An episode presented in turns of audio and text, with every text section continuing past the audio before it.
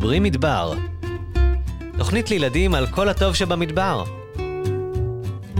בהפקת דעת מדבר, בית ספר שדה שדה בוקר ורדיו BGU אוניברסיטת בן גוריון בנגב. בהגשת תמר קידר ואיילת שחר. האזנה נעימה.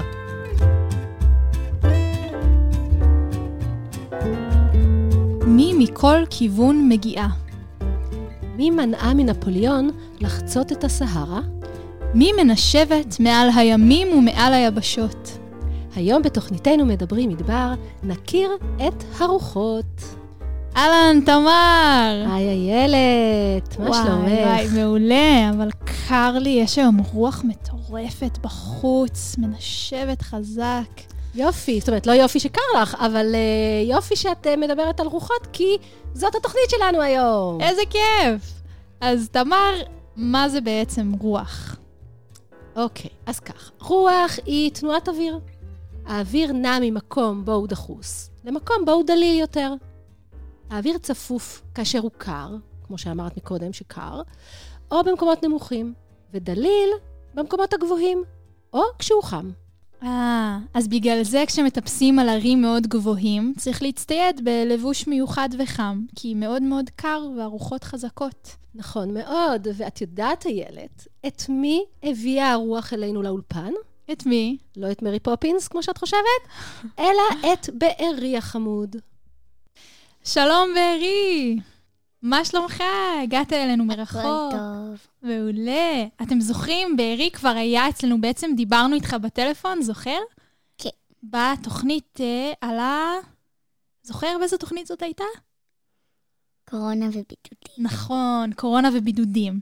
דבר ראשון, אה, מאיפה אתה בארץ? מושב, איזה מושב? מטע. מטע. אז אה, נסעת לפה מרחוק רחוק בשביל להגיע אלינו. ובן כמה אתה? שש. שש. אז אתה כבר בכיתה א'? לא. אתה בגן. והיום אנחנו בפרק על רוחות. אתה בכלל אה, אוהב רוח? אוהב רוחות? אה, לא יודע. כן, לפעמים הן אה, נחמדות, לפעמים הן קצת אה, מציקות. ויש דברים אחרים שאתה אוהב לעשות? יש לך חוגים? כן. איזה יש לך? יש לי אחד. איזה? שחייה. ומה אתה הכי אוהב לעשות כשאתה בבית עם המשפחה? אני אוהב חרוזי גאות. אה, אני מכירה כאלה. את מכירה, תמר? כן, אני גם זוכרת שבתוכנית אה, על הקורונה ראיינו ילדה שמקשיבה לנו וחיה בארצות הברית, וגם היא סיפרה שהיא מגהצת חרוזים. אז נראה לי שהרבה ילדים אוהבים את זה. אנחנו עושים עם אה, שכנים אוסף. אוסף של חרוזי גיוץ? כן. מגניב. מה, ויש לכם עכשיו כבר המון חרוזים במלא צבעים? אה, האוסף היה אה, אצל השכנים, והם... אה, שם חלק, ועכשיו אנחנו מנסים לשקם הכל. איזה מתוקים, אתם מנסים לאסוף את כל מה שהלך לאיבוד ואיכשהו לשקם את כל העסק. הבנתי. ובארי, אימא סיפרה לי שאתה אוהב להקשיב לתוכניות שלנו. מאוד. מאוד, איזה מתוק. יש לך אולי איזו תוכנית שאהבת במיוחד, או שמשהו שם היה מעניין במיוחד? את רובם אני אוהב. חמוד. ואתה ילד שלא גר במדבר למעשה, אבל אתם מטיילים לפעמים במדבר? לעיתים די רחוקות, אבל כן. ויש אה, אולי חלק בתוכנית שאתה אוהב במיוחד, את, ה, את הפינה אולי עם הציפורים, או עם אברהם, או את האגדות. אברהם. עם אברהם? מגניב, הוא גם עוד מעט יגיע לפה, אז אולי תפגוש אותו. אבל uh, בארי, עד שאברהם יגיע ותוכל לשאול אולי את אברהם uh, כל מיני שאלות על uh, טיולים, יש לי כאן באולפן אורח מיוחד, שהגיע כמוך ל- להתארח בתוכנית שלנו היום, uh, פרופסור חזי יצחק, מהמחלקה לאנרגיה סולארית, פיזיקה סביבתית, פה, במכונים לחקר המדבר. ואתה מוכן, בארי, לשאול יחד איתי את חזי שאלות על רוח? כן. אז שלום לך, פרופסור חזי יצחק. שלום, שלום, ושלום לבארי. אה, חזי, אני מבינה שאולי נוכל להיעזר בך לקבל קצת, ככה, ככה, עוד סיפורים ועוד מידע על רוח. כן. אז uh, הוא, הוא אמר שהוא לא, לא אוהב רוחות, לא אוהב כל כך את הרוח, אבל uh, אני דווקא אוהב את הרוח, כי אנחנו חוקרים איך uh, הרוחות במדבר מתנהגות, לא רק במדבר, בכל, בכל מיני מקומות. ומה שאני עובד בעיקר זה על איך החול זז עם הרוח. כן? כשהרוח מספיק חזקה, היא יכולה להזיז את החול, והחול שהוא זז יכול לגרום לכל מיני צורות, לגלים קטנים על החול, לגלים יותר גדולים שאנחנו קוראים להם דיונות, והדיונות חול זה כמו שהרוח היא, היא מפסלת אותם בחול. ו... וכדי ל... ללמוד על זה... איך בודקים דבר כזה? אנחנו מודדים בשטח וגם מלוויינים, ואפילו על מאדים. כאילו, אפילו על מאדים? אפילו על מאדים. מה, אתם בודקים את ההשפעה של הרוח על, על התוואי נוף? או... על התוואי נוף במאדים, כן. וואו. ו... זה מה שאתה עושה כשאתה קם בבוקר והולך למעבדה? איזה מרתק. אבל יש לכם מכשירי מדידה שמודדים את העוצמה של הרוח, את התנועה יש, של הרוח? יש מכשירים שמודדים את המהירות של הרוח, זה כמו כפות כאלה שמסתובבות, או מכשירים אחרים שבלי דברים שמסתובבים. ויש לנו בבאר שבע מה שנקרא מנהרת רוח. מנהרת רוח זה כמו משהו, כמו נגיד מכל ארוך כזה, שיש מאוורר גדול. המאוורר הגדול מזה מסתובב והוא יוצר רוח, כמו מאוורר, מאוורר נגיד... כמו מאוורר בבית, אבל גדול. כמו מאוורר בבית, אבל שם זה גדול, והוא יוצר רוח. בתוך, ה, בתוך המנהרה הזאת אנחנו שמים חול, ואנחנו רואים מה, איך החול הזה זז עם הרוח, אוקיי? ויש מצלמות שמצלמות אותו. וואי, איזה... והחול עכשיו יש לנו חול מיוחד, מיוחד, מיוחד, שהוא עשוי מזכוכית, מחתיכות זכוכית קטנות כאלה, ובכל מיני גדלים. והחול הזה, הוא, כרגע אנחנו עובדים למעשה לראות איך צורות כאלה דומות למה שיש במאדים. כן? כי כרגע על מאדים יש רכבים כאלה שזזים ומצלמים תמונות ממש ממש ממש טובות. כאילו, מאדים זה כוכב רחוק בשמיים, ואנחנו יכולים לראות ממש מה קורה על מאדים. אתה מתכוון לגששות? למה? ל? גששות חלל? כן, ל, ל, כמו חלליות כאלה. הן נקראות רכב... באמת גששיות חלל, גש, נכון? גשושיות, כן, כן, כן, וואלה, וואלה. ואז בעצם, חזי, בעצם אחרי שאספתם את המידע הזה ולמדתם על ההתנהגות של החול, על פי הרוח, מה בעצם השלב הבא? מה זה מספר לכם, או מה, מה עושים עם המידע הזה? המידע הזה, כאילו, קודם כל לגבי מאדים, מדברים על מה יקרה שאנשים יגיעו למאדים. כן, איך הם יצטרכו לחיות בסביבה שבה יש כל... במאדים מסופות אבק, שמכסות את כל מאדים כמה חודשים. Mm. לא כמו פה... אני חושבת שאנחנו, סליחה, אנחנו אנשי המדבר, גם נדע כבר איך לחיות במאדים, כי יש לנו מלא סופות חול פה. כן, יש לנו, כן. הסופות, למעשה, מה שאנחנו רואים זה סופות אבק, לא חול, כי החול לא יכול להגיע לגבהים גדולים, האבק זה חלקיקים יותר קטנים, והם עולים לגובה. אוקיי? אז מה שחלקיקי האבק האלה יכולים לה, להגיע ממרכז אפריקה לפה, מצ'אד לכאן, מהסהרה לפה, מערב הסעודית לכאן. אפילו יכולות, יכול להגיע חול מהסהרה לכיוון האמזונס ב, בדרום אמריקה. כן, החלקיקים הקטנים הם, הם נעים רחוק. החול, מה שקורה, החול, גרגירי החול, הם, כשיש רוח, הם מקפצים.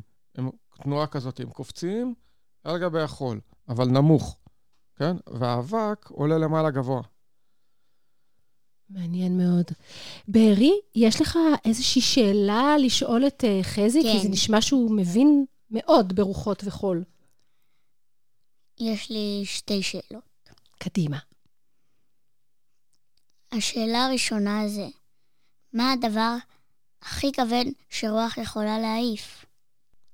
טוב, שאלה, שאלה מאוד טובה, זה תלוי במהירות של הרוח. אבל uh, רוחות חזקות, חזקות, חזקות ממש, כמו סופות אוריקן וכאלה דברים שאין לנו בארץ, הן יכולות להעיף אפילו גגות של מכוניות וגגות של בניינים, ולעשות הרס ממש מוחלט. אבל אצלנו בארץ אין כאלה, אין כאלה כמעט דברים. הרוחות בארץ הן לא כל כך כל כך חזקות. כן, יש רק מספר מקומות שהרוח היא חזקה, אבל ברוב המקומות, ישראל היא, היא לא נחשבת למדידה שיש בה הרבה רוח.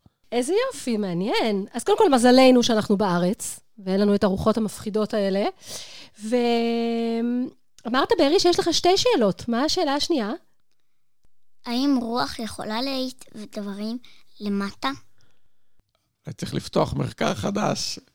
אה, בדרך כלל, בדרך כלל לא, כי הרוח היא, היא תעיף למעלה, אבל יש רוחות מיוחדות שהן נושבות מערים. בערים הטמפרטורה נמוכה, בערים שיש בהם שלג, ואז האוויר מתקרר שם ויורד מההר למעלה למטה.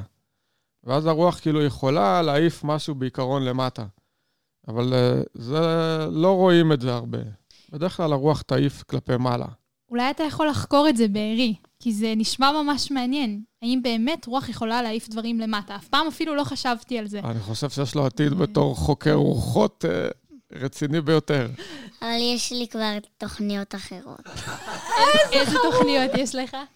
יש לי כבר כמה תוכניות. אתה רוצה לספר לנו על אחת מהן, או על כמה? על אחת. קדימה, אנחנו סקרנים. אני רוצה לחקור את החלל מכדור הארץ. וואו. חזי, אולי תעזור לו עם זה. אני יכול לעזור לך עם מאדים. אז הנה, מצאנו פה אה, נושא משותף אה, לבארי ולחזי. אה, חזי, ופה במכונים בעצם אתם, במחלקה לאנרגיה סולארית, אתם, אם אני מבינה נכון, בעצם אתם פורצי דרך, נכון? במחקר הזה. אנחנו... בעניין הזה של הרוחות והמחקר הזה. והחול. והחול, כן. בין המובילים בעולם, כן. אמ, אז אולי יש לך ככה לספר לילדים שמאזינים לתוכנית עוד איזה משהו מהמחקרים החדשים שלכם, או עוד איזה משהו ככה מעניין, מעבר לדברים הכבר מעניינים שסיפרת לנו. דבר מעניין זה שהרוח במדבריות היא חלשה בלילה, בדרך כלל, והשיא שלה זה, אמ, בוא נגיד, אחרי צהריים. משעה, או מ-10 עד 3, זה השיא של, ה, של הרוח. זאת אומרת, אם רוצים להעיף עפיפונים, כן, אז זו השעה. או, או, או לקראת ערב, אבל בלילה אין אה, ארוחות נחלשות, ברוב המדבריות בעולם, וארוחות יותר חזקות מעל הים. באופן מעל האוקיינוסים, ארוחות הרבה יותר חזקות מאשר מעל היבשה. וכנראה, כנראה, כנראה שהרוחות מתחזקות בגלל שינויי האקלים. בגלל שינויי האקלים כן, שעומדים לפתחנו. כן, הרוחות מתח... מתחזקות מעל, מעל הים. באמת? אתם רואים את זה בשנים האחרונות? רואים את זה כרגע מניתוח אחרון שעשינו, שמעל הים יש יותר סופות והעוצמה של הרוחות מתחזקת. אז זה אחד משינוי האקלים, רואים את זה במהלך 60 השנים האחרונות שיש נתונים. וואו, זה אז זה אחד הדברים המעניינים. וזה הדברים שככה באמת מעסיקים אה, חוקרים עכשיו. זה, אה, זה בכלל, כאילו, כל הנושא של שינוי האקלים ו... מה קורה, איך זה משפיע על האדם, על מערכות אקולוגיות, גם ברוח... בדרך כלל לא מדברים על רוחות, אלא מדברים על משקעים, אבל רוחות זה גם פקטור מאוד חזק. אה, אנשים לא כל כך שמים לב לזה, כי לא, לא רואים את הרוח, כן? מרגישים. נכון. אבל רוח זה דבר יותר ש... יותר קל לדבר על משקעים. רוח זה דבר שמציק, כאילו, הוא, הוא, הוא, הוא, פה אנחנו יודעים את זה, כאילו, שיש רוחות, אז הקור הוא עצום, והכל... כאילו, הרוח זה, זה מאוד מאוד משפיע על, על, על כל ההרגשה של האדם, על מה שקורה. אה, טוב, היום גם הנושא של האנרגיית רוח מאוד התפתח, אה, גם כן. נכון. אתה יכול ככה לסיום באמת להגיד אה, מילה על הדבר הזה של האנרגיית רוח? איך אנחנו בעצם משתמשים ברוח כדי לייצר אנרגיה? כן, יש, הטור... יש לנו טורבינות כאלה גדולות. ראית ברי? הרוח אה? מסובבת אותן. שבשבות ו... גדולות כאלה? יש היום בכמה מקומות, אתה תראה את זה ברמת הגולן עכשיו, הם רוצים להקים עוד.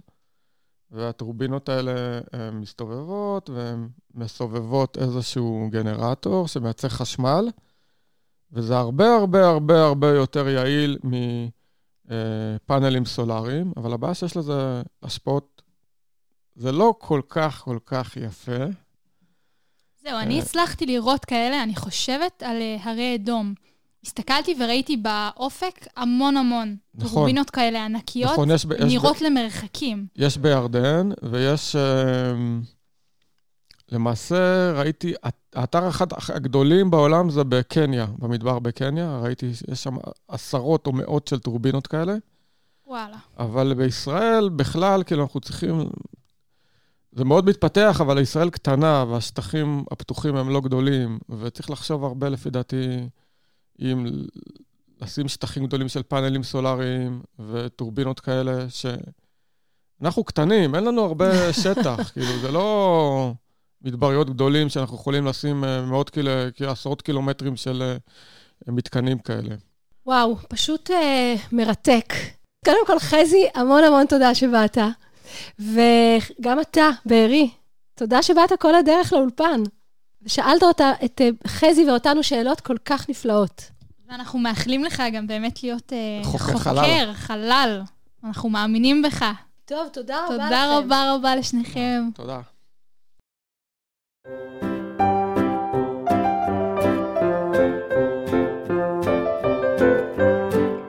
תמר, אני רוצה לספר לך שיש הרבה מאוד סוגים של רוחות. את שמעת פעם את המילה בריזה? ברור. אז בריזה היא הרוח הקבועה שנושבת מהים אל היבשה, או בכיוון ההפוך, והיא נוצרת בגלל הפרשי טמפרטורה בין הים ליבשה. היבשה מתחממת במהירות במשך היום, ומתקררת מהר בלילה. הבריזה נושבת מהים ליבשה בשעות היום, ועם רדת הערב, כאשר השמש מפסיקה לחמם את היבשה, היא נושבת מהיבשה אל הים, שהוא חם יותר בלילה. אוי, אבל איילת, זה לא פייר, את מדברת איתי על הים כשאנחנו פה במדבר, באולפן. אל תדאגי, אל תדאגי, יש לי גם רוח מדברית בשבילך, רוח קדים. מה, רוח ששומרים בתוך קדים? לא, לא, אז זה לא, זה לא קדים בכף, אלא קדים בקוף.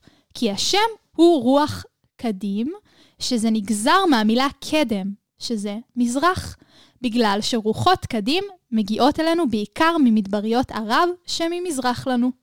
אה, נו, זה הרוחות האלה שמביאות איתן מלא אבק וחול? בדיוק. הרבה פעמים אפשר ממש לראות את חומת האבק והחול שנעה באוויר במדבר. אז לא רק אנחנו, איילת, את יודעת, סובלות מהחול בעיניים ובשיניים, גם נפוליאון, המצביא הדגול, והצבא שלו, כשהם ניסו לכבוש את מדבר סהרה, הם נאלצו לסגת, את יודעת, בגלל סופות החוז... החול החזקות שהיו. אני מכירה מישהו ששום סופה לא תבריח אותו מהמדבר. שלום אברהם. שלום איילת, שלום תמר. שלום, שלום. מה שלומכם? מצוין, מה איתך? מעולה. היום, בפינת מיומנויות השטח שלנו, נדבר על ניווט. אתן יודעות מה זה לנווט? אה, להסתכל על הכוכבים והירח בשביל לנסות להבין איפה אנחנו נמצאים? אה, מפה? לעמוד עם מפה ולקרוא מה כתוב? אוקיי, כמעט מעולה. נדבר על חלק מהדברים האלה בהמשך. ניווט זו היכולת להגיע ממקום למקום על ידי שימוש במפה וכיווני השמיים. אה, אז צדקנו. כן, בגדול. בגדול. את כיווני השמיים אתן בטח מכירות. כן. יש לנו צפון ודרום, מזרח ומערב. במזרח השמש זורחת, ובמערב היא שוקעת. כל יום היא עושה את הסיבוב הזה, ובדרך היא עוברת דרך הדרום. תזכרו את זה, זה עוד ישמש אותנו בהמשך. בדרך מהמזרח למערב, השמש עוברת בדרום כל יום? בדיוק. בתור התחלה, בואו נכיר את המפה. אני הבאתי מפה כדי שנוכל להסתכל יחד. ואם יש לכם מפה בבית, אתם יכולים להוציא אותה. גם Waze זו מפה בעצם. נכון, Waze הוא מפה שמראה לנו ועוזר לנו לנסוע בכל מיני מקומות ולהגיע ממקום למקום. ויש לנו מפות שקוראים להם מפות סימון שבילים, שהן לטיולים. דבר ראשון, במפה, גם יש כיוונים, רוחות השמיים, מה שהזכרנו קודם. וכדי שנדע שאנחנו מסתכלים על המפה בכיוון הנכון, בצורה הנכונה, אנחנו צריכים להצפין אותה. מה זה אומר להצפין? בדיוק כמו שזה נשמע. להתאים בין הצפון של המפה לצפון בשטח. כדי לדעת איפה הצפון במפה, נחפש על המפה ציור שמצביע היכן הצפון. לפעמים הוא מסומן באות צדיק. כמעט תמיד מפות מצוירות בצורה כזאת, שכשאפשר לקרוא אותן, זאת אומרת, שרואים את האותיות בכיוון הנכון, אז למעלה זה הצפון. זו עוד דרך שתעזור לנו להבין איפה נמצא הצפון במפה.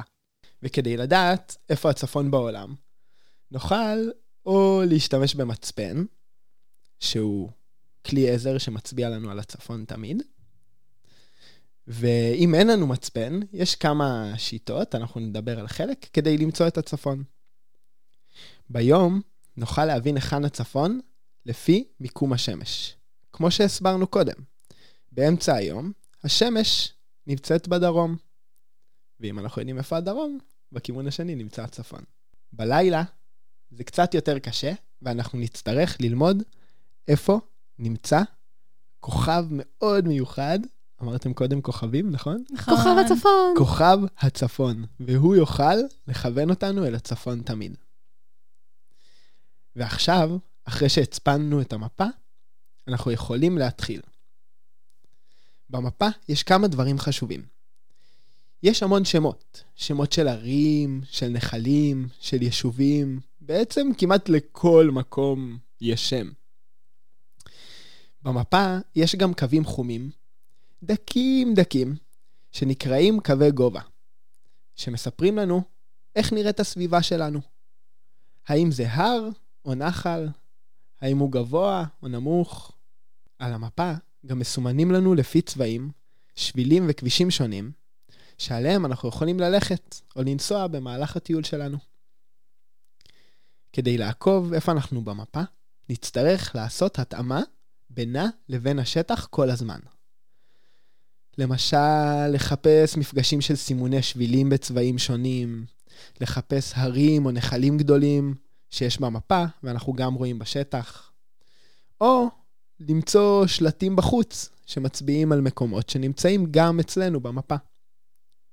כשאנחנו יוצאים לטייל, כדאי להסתכל במפה היכן אנחנו נמצאים, וככה נוכל גם לדעת מה מצפה לנו בהמשך, גם ללמוד על הסביבה שלנו.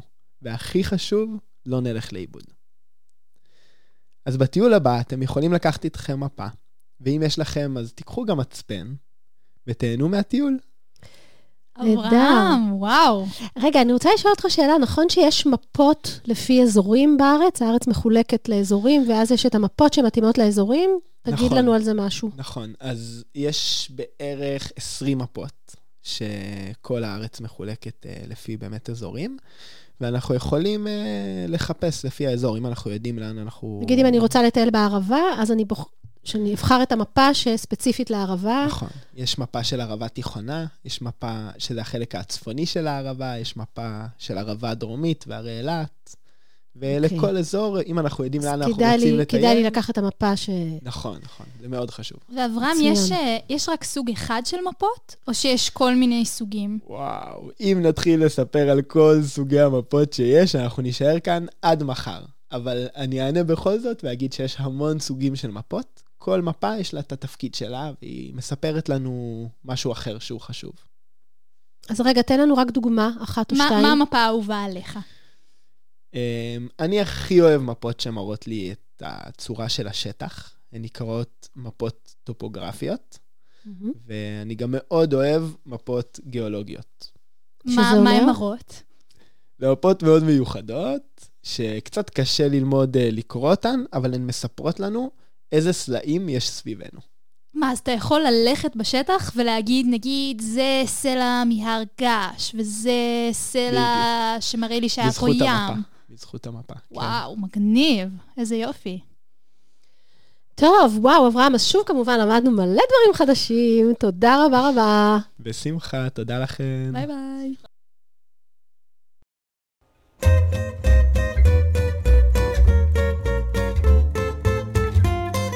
אברהם לימד אותנו על ניווט, וזה גרם לי לחשוב על איך מטוסים מצליחים לנווט בשמיים. שמעת, ילד, שיש רוח שהיא על שם מטוס? מהמם. תדעי לך שהטייסים של מטוסי הסילון, שטסו גבוה מאוד, הם גילו שרוחות עוזרות להם להגיע במהירות ליעד שלהם. אז בעצם מה שקורה, מטוסי הסילון רוכבים על הרוח, והיא מגבירה את מהירות השיוט שלהם. אה, שמעתי על הרוחות האלה, על רוחות הסילון. ממה ששמעתי, הן גם עוזרות להפצה של צמחים, בעיקר תחבים, סרחים וסחלבים. ואגב, יש מטוסים שנקראו על שם רוחות, נגיד טורנדו והוריקן. ויש גם כמובן טרמיקה, אנחנו לא יכולים לעשות תוכנית על רוחות בלי לדבר. להזכיר, נכון. כמובן. שמה היא בעצם הטרמיקה? היא זרם אוויר שעולה מהקרקע לגובה בצורת ספירלה, אפילו מצליח להגיע עד כמה מאות מטרים מעל פני הקרקע. ומי משתמשות בטרמיקה? מי? ציפורים כמובן. אבל על זה יספר לך מידד. ומעיין. נכון. שלום למעיין ומידד. שלום, שלום. שלום, על מה תספרו לנו היום? על רוח. טוב מאוד, כי רוח זה הנושא של התוכנית שלנו. נכון, אנחנו מספרים על איך הציפורים מסתדרות עם ה... תפוח. אה, זה מתוק. אז ספרו לנו איך הציפורים מסתדרות עם התפוח ועם הרוח. אז עם התפוח, את התפוח הן אוכלות, אבל עם הרוח, הציפורים והרוח, מה? אתמול, אה, היום, כשאני, כש, כשאני ואבא היינו בקן של העית הזהוב, אז אני אכלתי תפוח. נכון, נכון, וכמעט ולא הייתה רוח. למרות שבדרך כלל יש שם רוח. והעית הזהוב, מה הוא אכל? את ה... את ה... את ה... את מה שהוא מוצא. אה, אז הוא אוכל נכון, מה אך אני שהוא לא יודע מה, רוצה. לא הצלחתי לזהות מה הוא- מה היה שם בקן, אז אני צריך להסתכל על התמונות אחר כך. אוקיי, ואז תספרו לנו אולי בתוכנית נסע, הבאה מה נכון. ראיתם. נכון. אז על איזה עוד ציפורים ורוח אתם מספרים לנו היום? אז קודם כל, ציפורים ורוח זה הולך ביחד. כי הציפורים מבלות את רוב, הרבה מאוד זמן באוויר, ובאוויר יש רוח. אז חלק מהציפורים משתמשות ברוח, זה תלוי איפה הן גרות. לדוגמה, אותו עית זהוב שראינו היום, הרבה פעמים אנחנו רואים אותו עף לאורך המצוקים, כשכמעט ואין רוח.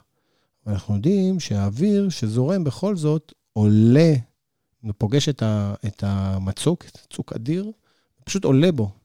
ואז יש רוח שאנחנו קוראים לה רוח עילית. ואז אותו עית פשוט רוכב על הרוח הזאת.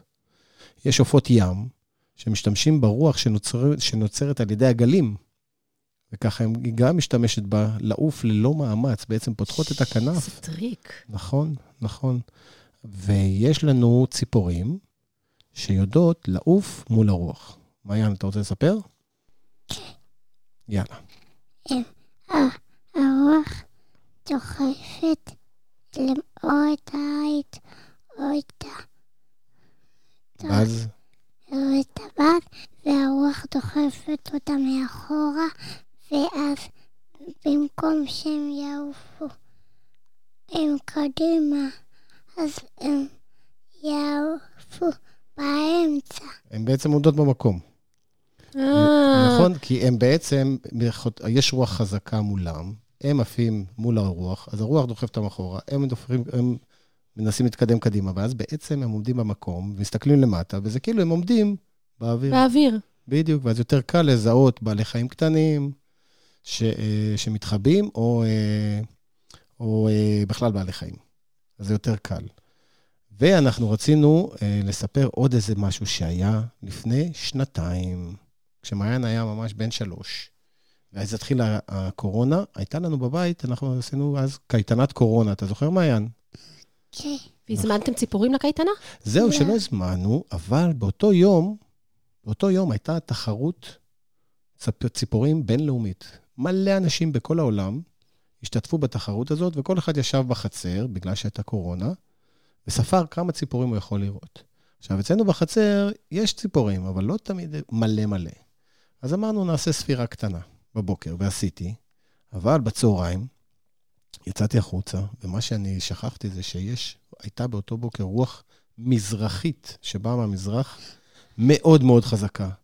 ומה שהיא עשתה, היא דחפה את כל הציפורים הנודדות הגדולות לכיוון הים, לכיוון מערב, ממזרח למערב.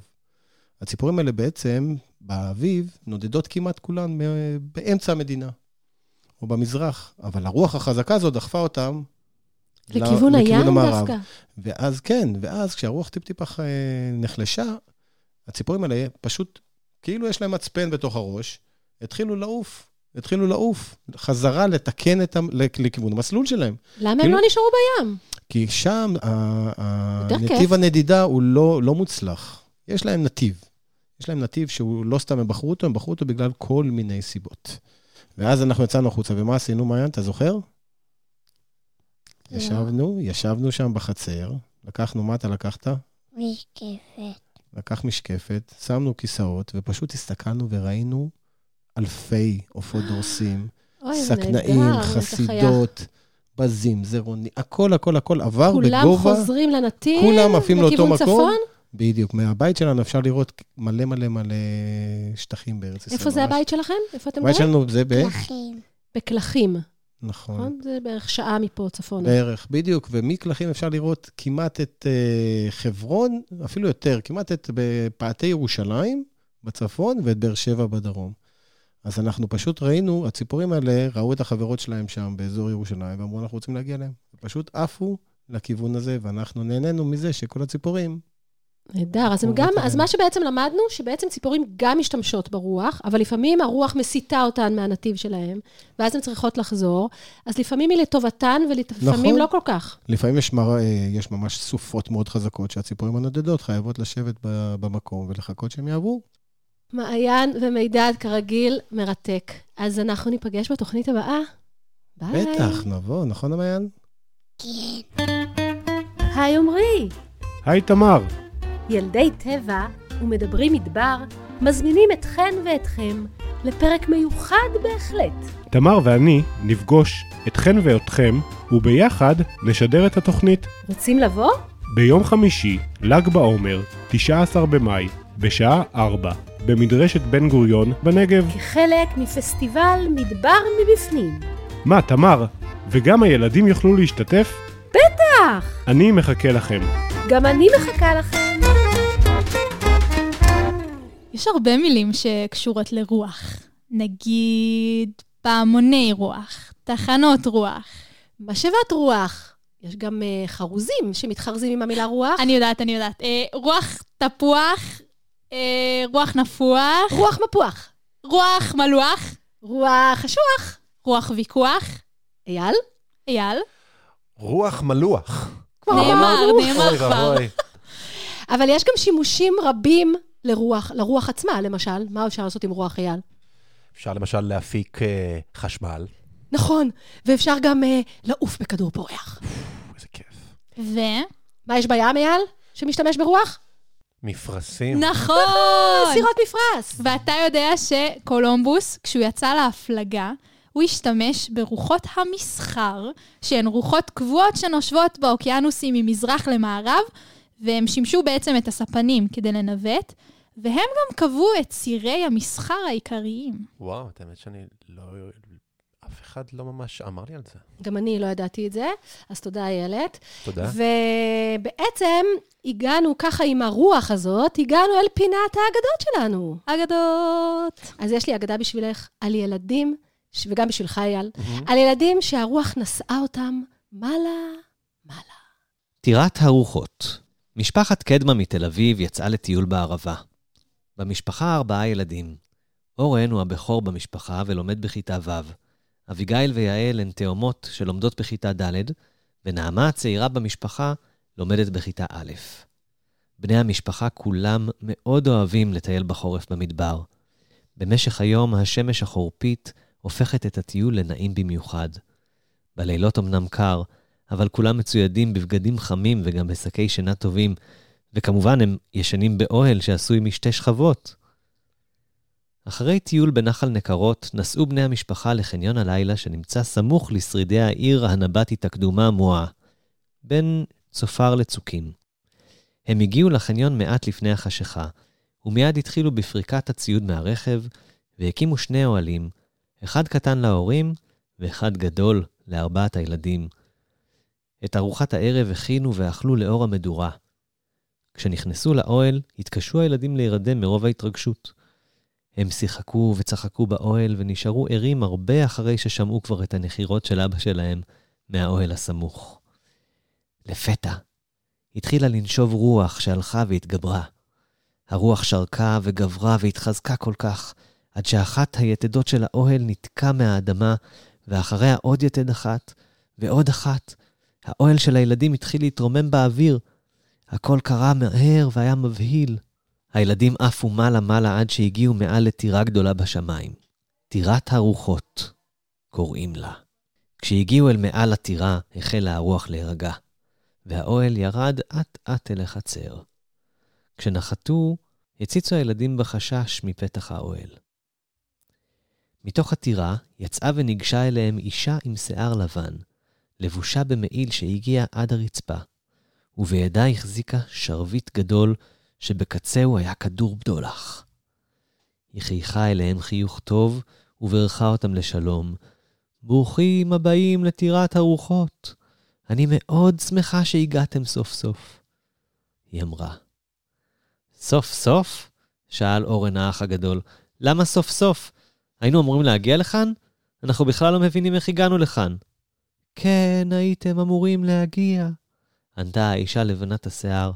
בואו היכנסו ואקח אתכם לסיור בטירה. קולה הנעים והחיוך שלה הצליחו להרגיע מעט את הבהלה שאחזה בהם בהתחלה.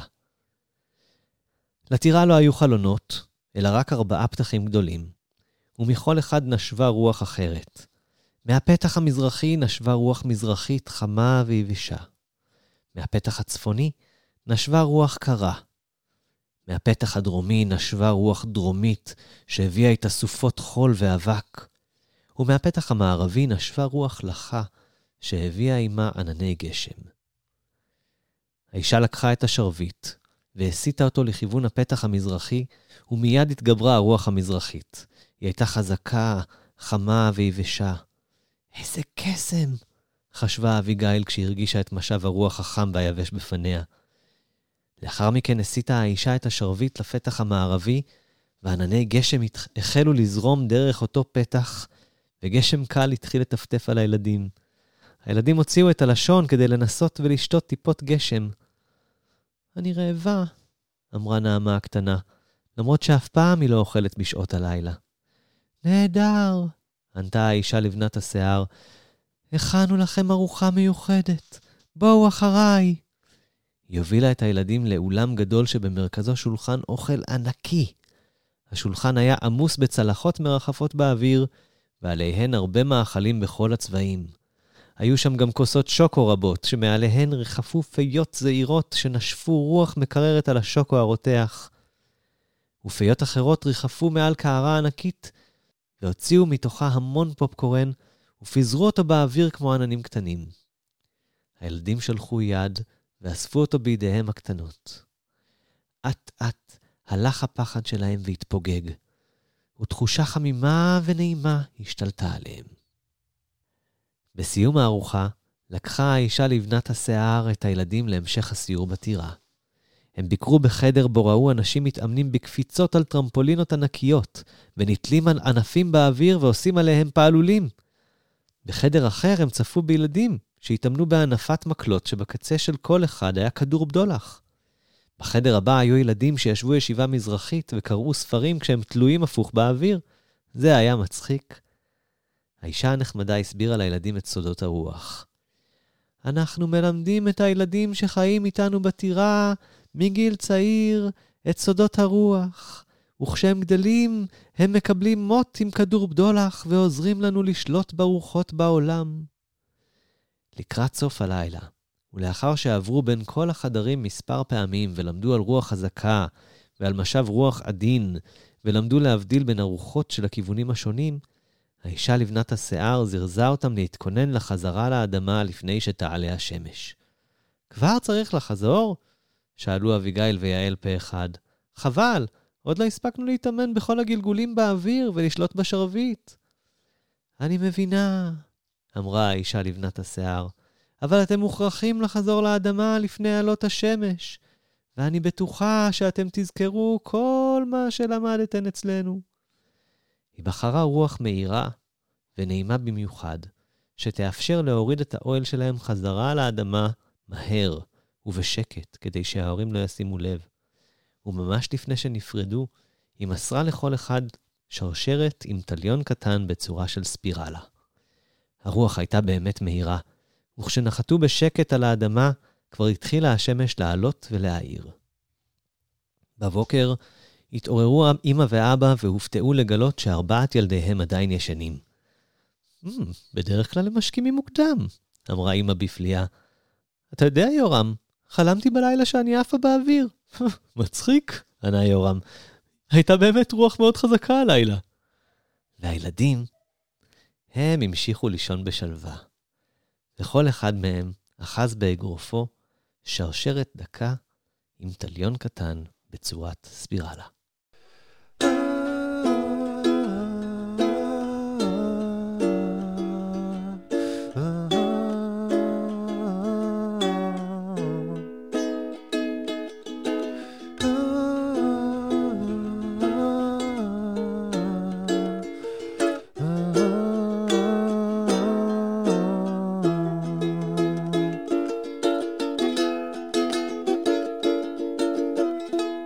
יודעת, איילת, שמי שנתנה את הרעיון לסיפור הזה, זו שקד בלבן דינור. השם הזה מוכר לי. נכון, זו הילדה המתוקה שכבר שלחה שני שירים לתוכנית, מדהים. וגם הרעיון לסיפור הוא שלה. אז וואו. לקחנו את הרעיון וביחד איתה כתבנו את ההגדה הזו. מדהים. אנחנו מזמינים בעצם גם אתכם ואתכן לכתוב לנו אגדות, או שירים, או רעיונות לסיפורים, ואז תוכלו גם להופיע בתוכנית שלנו. אז אתם מוזמנים לכתוב לאתר שלנו, מדבר.org. איילת, את מכירה את הסרט מרי פופינס, כן? ברור, גדלתי עליו, בטח. נכון, גם אני תמיד רציתי לעוף כמוה. יש לך איזה מטריה בשבילי? אה, מטריה אין לי, אני פה במדבר, אין הרבה גשם, אבל אני מציעה שנרד לאילת לגלוש בגלשני רוח. וואו, יאללה, רעיון מדהים. אז אנחנו סוגרות פה את התוכנית הזאת, כן, כן. ונפרדות מכם. ביי. כיף שהאזנתם לנו. תודה לצוות התוכנית. מפיקים, תמר קידר ודודו רשתי, מדעת מדבר. עריכה טכנית, דניאל למנסדורף. על המוזיקה המקורית, טל וגנר. מידד גורן, מגיש פינת הטבע. אברהם מילר מבית ספר שדה שדה בוקר, מגיש פינת מיומנויות השטח.